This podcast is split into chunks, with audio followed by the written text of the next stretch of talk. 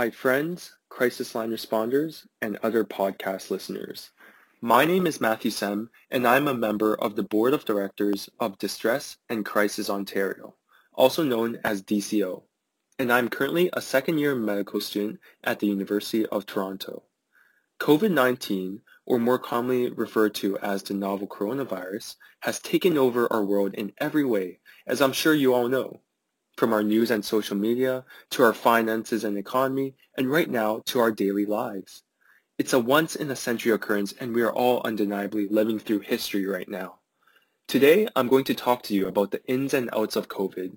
What is it? What its status in the world and Canada is? How does it spread? Its symptoms, and also debunking any myths associated with it. The second half of this podcast will be dedicated to how to take care of oneself during this extraordinary time and how to manage your stress and anxiety during this pandemic. Before we dive into these topics, I want to give a couple quick disclaimers. First, all the information I provide to you regarding COVID-19 come from informed, evidence-based sources, such as the World Health Organization, health agencies of Canada, or peer-reviewed literature. I'm not providing any new information and all the information I'm speaking about can be easily found online. Secondly, I'll be using the terms COVID-19 and coronavirus interchangeably throughout this podcast. So let's start from the beginning. What is COVID-19 or coronavirus? COVID-19 is a virus first identified in Wuhan, China in late 2019. Coronaviruses themselves aren't new to science or to medicine. They're an extremely common cause of colds and other upper, upper respiratory infections. There are many examples of coronaviruses in the past, including the SARS outbreak in 2002 to 2003 and the Middle East Respiratory Syndrome, or MERS, in 2012. COVID-19 is a type of coronavirus that has not been seen before, hence the term novel coronavirus. COVID-19 has since spread globally from China, being declared a global pandemic by the World Health Organization on March 11th. As of March 30th, the day this podcast is being recorded, there are more than 785,000 cases of COVID reported in over 190 countries and territories, resulting in approximately 38,000 deaths. More than 165,000 people have recovered, and in Canada, on March 30th, there are currently over 7,500 cases and 92 deaths. I'm sure these numbers will noticeably change over the next few days. How does COVID-19 spread?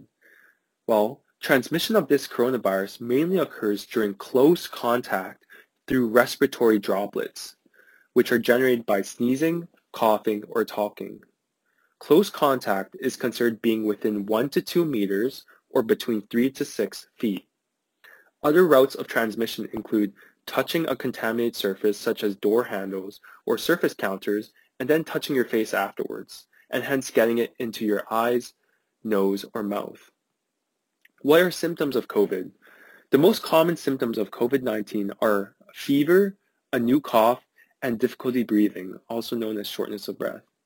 Other symptoms include a loss of sense of smell or taste, and also more non-specific symptoms, including muscle aches, fatigue, headache, sore throat, runny nose, or diarrhea. It should be noted that infected people can also be asymptomatic or presenting with no symptoms. The majority of people have mild symptoms, but 7% will have more serious symptoms, including high fever, a very severe cough, or signs of pneumonia, which is a severe lung disease. Requ these symptoms require hospitalization and 3% become critically ill, requiring ICU admission and ventilators to help them breathe. And 1% will die, which is the most serious. But I want to emphasize again that majority will have mild to no symptoms, but it is the 7% who are at higher risk of developing serious complications that we need to worry about. This is why measures such as social distancing are in place. We are trying to protect people who are at higher risk for a serious infection. I will talk about this term, social distancing, a bit more later in this podcast. So who is at higher risk for COVID-19? Based on clinical expertise, Older adults and people of any age who have serious underlying medical conditions might be at a higher risk for severe illness from COVID-19. This includes people aged 65 and above, people who live in a nursing home or a long-term care facility, and also individuals who have high-risk conditions including chronic lung disease or moderate to severe asthma, heart disease with complications, being immunocompromised or having had recent cancer treatment, severe obesity, or not, well not having well-controlled medical conditions such as diabetes, kidney failure, or liver disease. You can find a more comprehensive list of individuals who are at higher risk for COVID-19 online with a quick search. On a more positive note, children appear to be at very low risk of severe disease and death. So what can we do to prevent? How do we protect ourselves? As mentioned earlier, coronaviruses are spread through close contact. There is currently no vaccine available, but there are actions that you can take.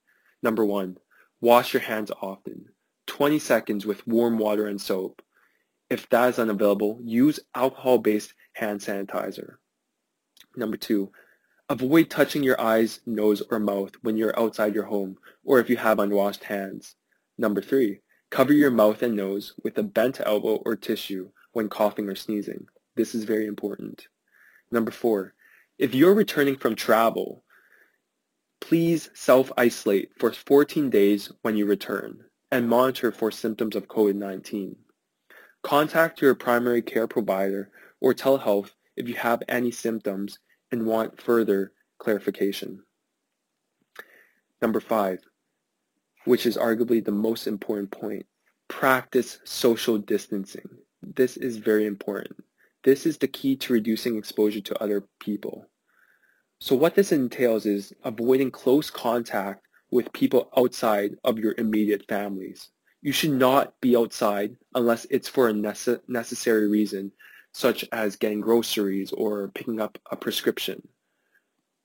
But if you are outside in public for these reasons, Stay two meters away from others.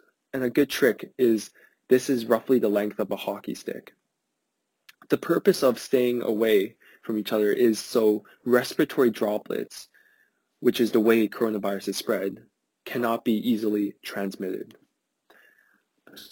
Social distancing is the key to slowing the spread of this virus and help keep the number of people who are sick at one time manageable for healthcare workers our hospitals are overloaded right now. And I cannot stress this point enough. And I will emphasize this again. Please practice social distancing. This is the key to giving our healthcare workers a fighting chance at curbing this pandemic. Should I wear a mask? Unless you're a healthcare provider working in a healthcare setting, there are only two conditions when you should wear a mask. And most likely you do not need to. Only wear a mask if you have symptoms of COVID-19 and are around other people. A reminder that if you are experiencing symptoms, please self-isolate and do not leave your home. But if you must, wear a mask if you are experiencing symptoms. Number two, you should wear a mask if you are caring for someone who has symptoms of COVID-19. But other than these two points, it is not recommended that you wear a mask in public. There is currently an immense shortage of personal protective equipment, also known as PPEs. And PPEs entail masks, gloves, gowns. These are essential equipment for healthcare workers at the front lines of the crisis. So please do not unnecessarily use or hoard masks and gloves and consider donating your PPEs to hospitals. There are a plethora of initiatives out there organizing PPE drives. It just takes a quick search online to look at one in your community. So what should you do if you feel symptoms of COVID-19? Well, if you start to feel unwell, such as fever, new cough, or difficulty breathing, return home and self-isolate immediately. Drink plenty of fluids, get rest, and sleep as much as possible. And try a humidifier or a hot shower to help with a sore throat or cough. Take acetaminophen, which is better known as Tylenol, if you have symptoms of mild fever. Contact your family physician or telehealth if you are seeking clinical assessment. And if you need immediate medical attention, call 911 and mention your travel history and symptoms. Now, I want to emphasize that I couldn't discuss everything regarding COVID in this one podcast, but I did try to touch on the high yield points. And if you have any other questions or concerns, I'm sh- just a quick search online with credible resources, and I'm sure you will find the answer that you need. Part two, taking care of your mental health during the COVID-19 pandemic. The COVID-19 pandemic can cause stress and anxiety because it is disrupting normal life for many people all at once. A good approach to managing these symptoms are to rely on strategies that help to relieve your stress and anxiety before this pandemic. But I do understand that this can be challenging as your daily routines are probably interrupted due to this unprecedented time. So here are some strategies that may be helpful. I will acknowledge that these strategies are taken from the Center for Addiction and Mental Health or CAMH website. Number one, acceptance. Be kind to yourself. Know that some anxiety and fear is normal. This is a this is an extraordinary time and know that it's okay not to be okay.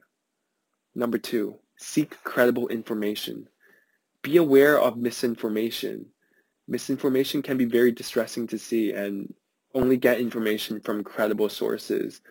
So the World Health Organization or health agencies of Canada or evidence-based literature.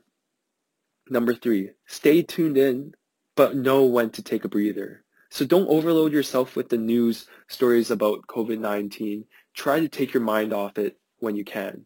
A tip that worked for me is I set a reminder on my phone to take a breather and to not look at social media too often.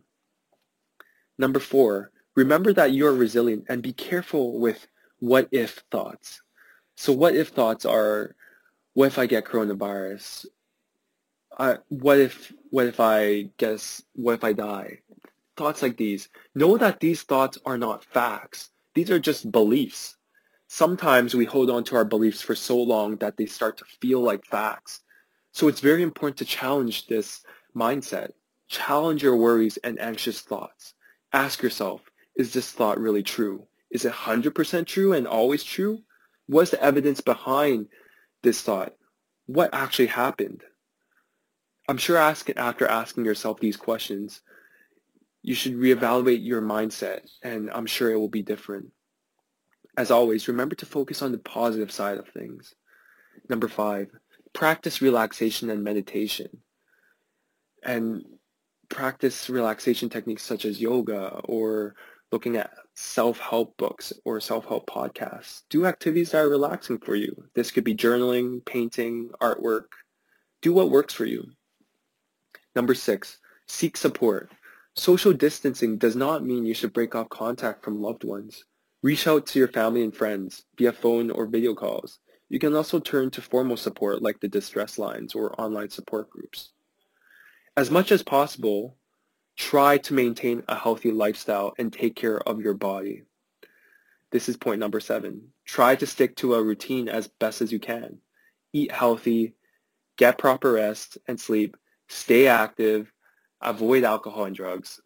These are all extremely important to reduce the amount of stress we experience and also to stay healthy. Number eight, Ultimately, be kind to yourself. This is a challenging time for everyone, but the beauty of the situation is that we really are all in this together. The whole world has a common enemy right now. Do your part, stay home, and practice social distancing. Give our healthcare workers a fighting chance. Wash your hands often. Don't forget to check in with your loved ones and reach out if you need any support. We will get through this and as cliche as it sounds, there is always light at the end of the tunnel. Coronavirus or COVID-19 will not last forever. There will be a post-COVID era, and the world will be a better place by then. I want to thank everyone for listening, and a special thank you to the crisis line responders for your work during this extraordinary time. You are all saving lives too, and I admire you so much, and thank you all for your work during this time. If you have any questions or comments, about this podcast or about COVID in general, you can always email me at matthew.sem at mail.utoronto.ca. So Matthew with two T's dot sem s which is S E M at mail.utoronto.ca. Take care everyone and stay safe. Hi, I'm Damien, one of the editors of the DCO Learning Forums podcast. Over the past year, we've been busy converting our Learning Forums series of videos into podcasts and thinking of new ways to continue delivering new and more in-depth content. We've seen the demand, and we're announcing our move to Pinecast and our new tip jar function. Please consider going to tips.pinecast.com slash jar slash distress and crisis Ontario and donating. And in return, we'll be recording new follow-up episodes on some of our most popular topics. These will be accessible for tippers only and will help pay for travel, web hosting, etc. For the interim, you'll still be able to access existing content on both on both the Pinecast and Fireside feeds for free, but eventually we'll be making the switch to Pinecast. Thank you for your understanding.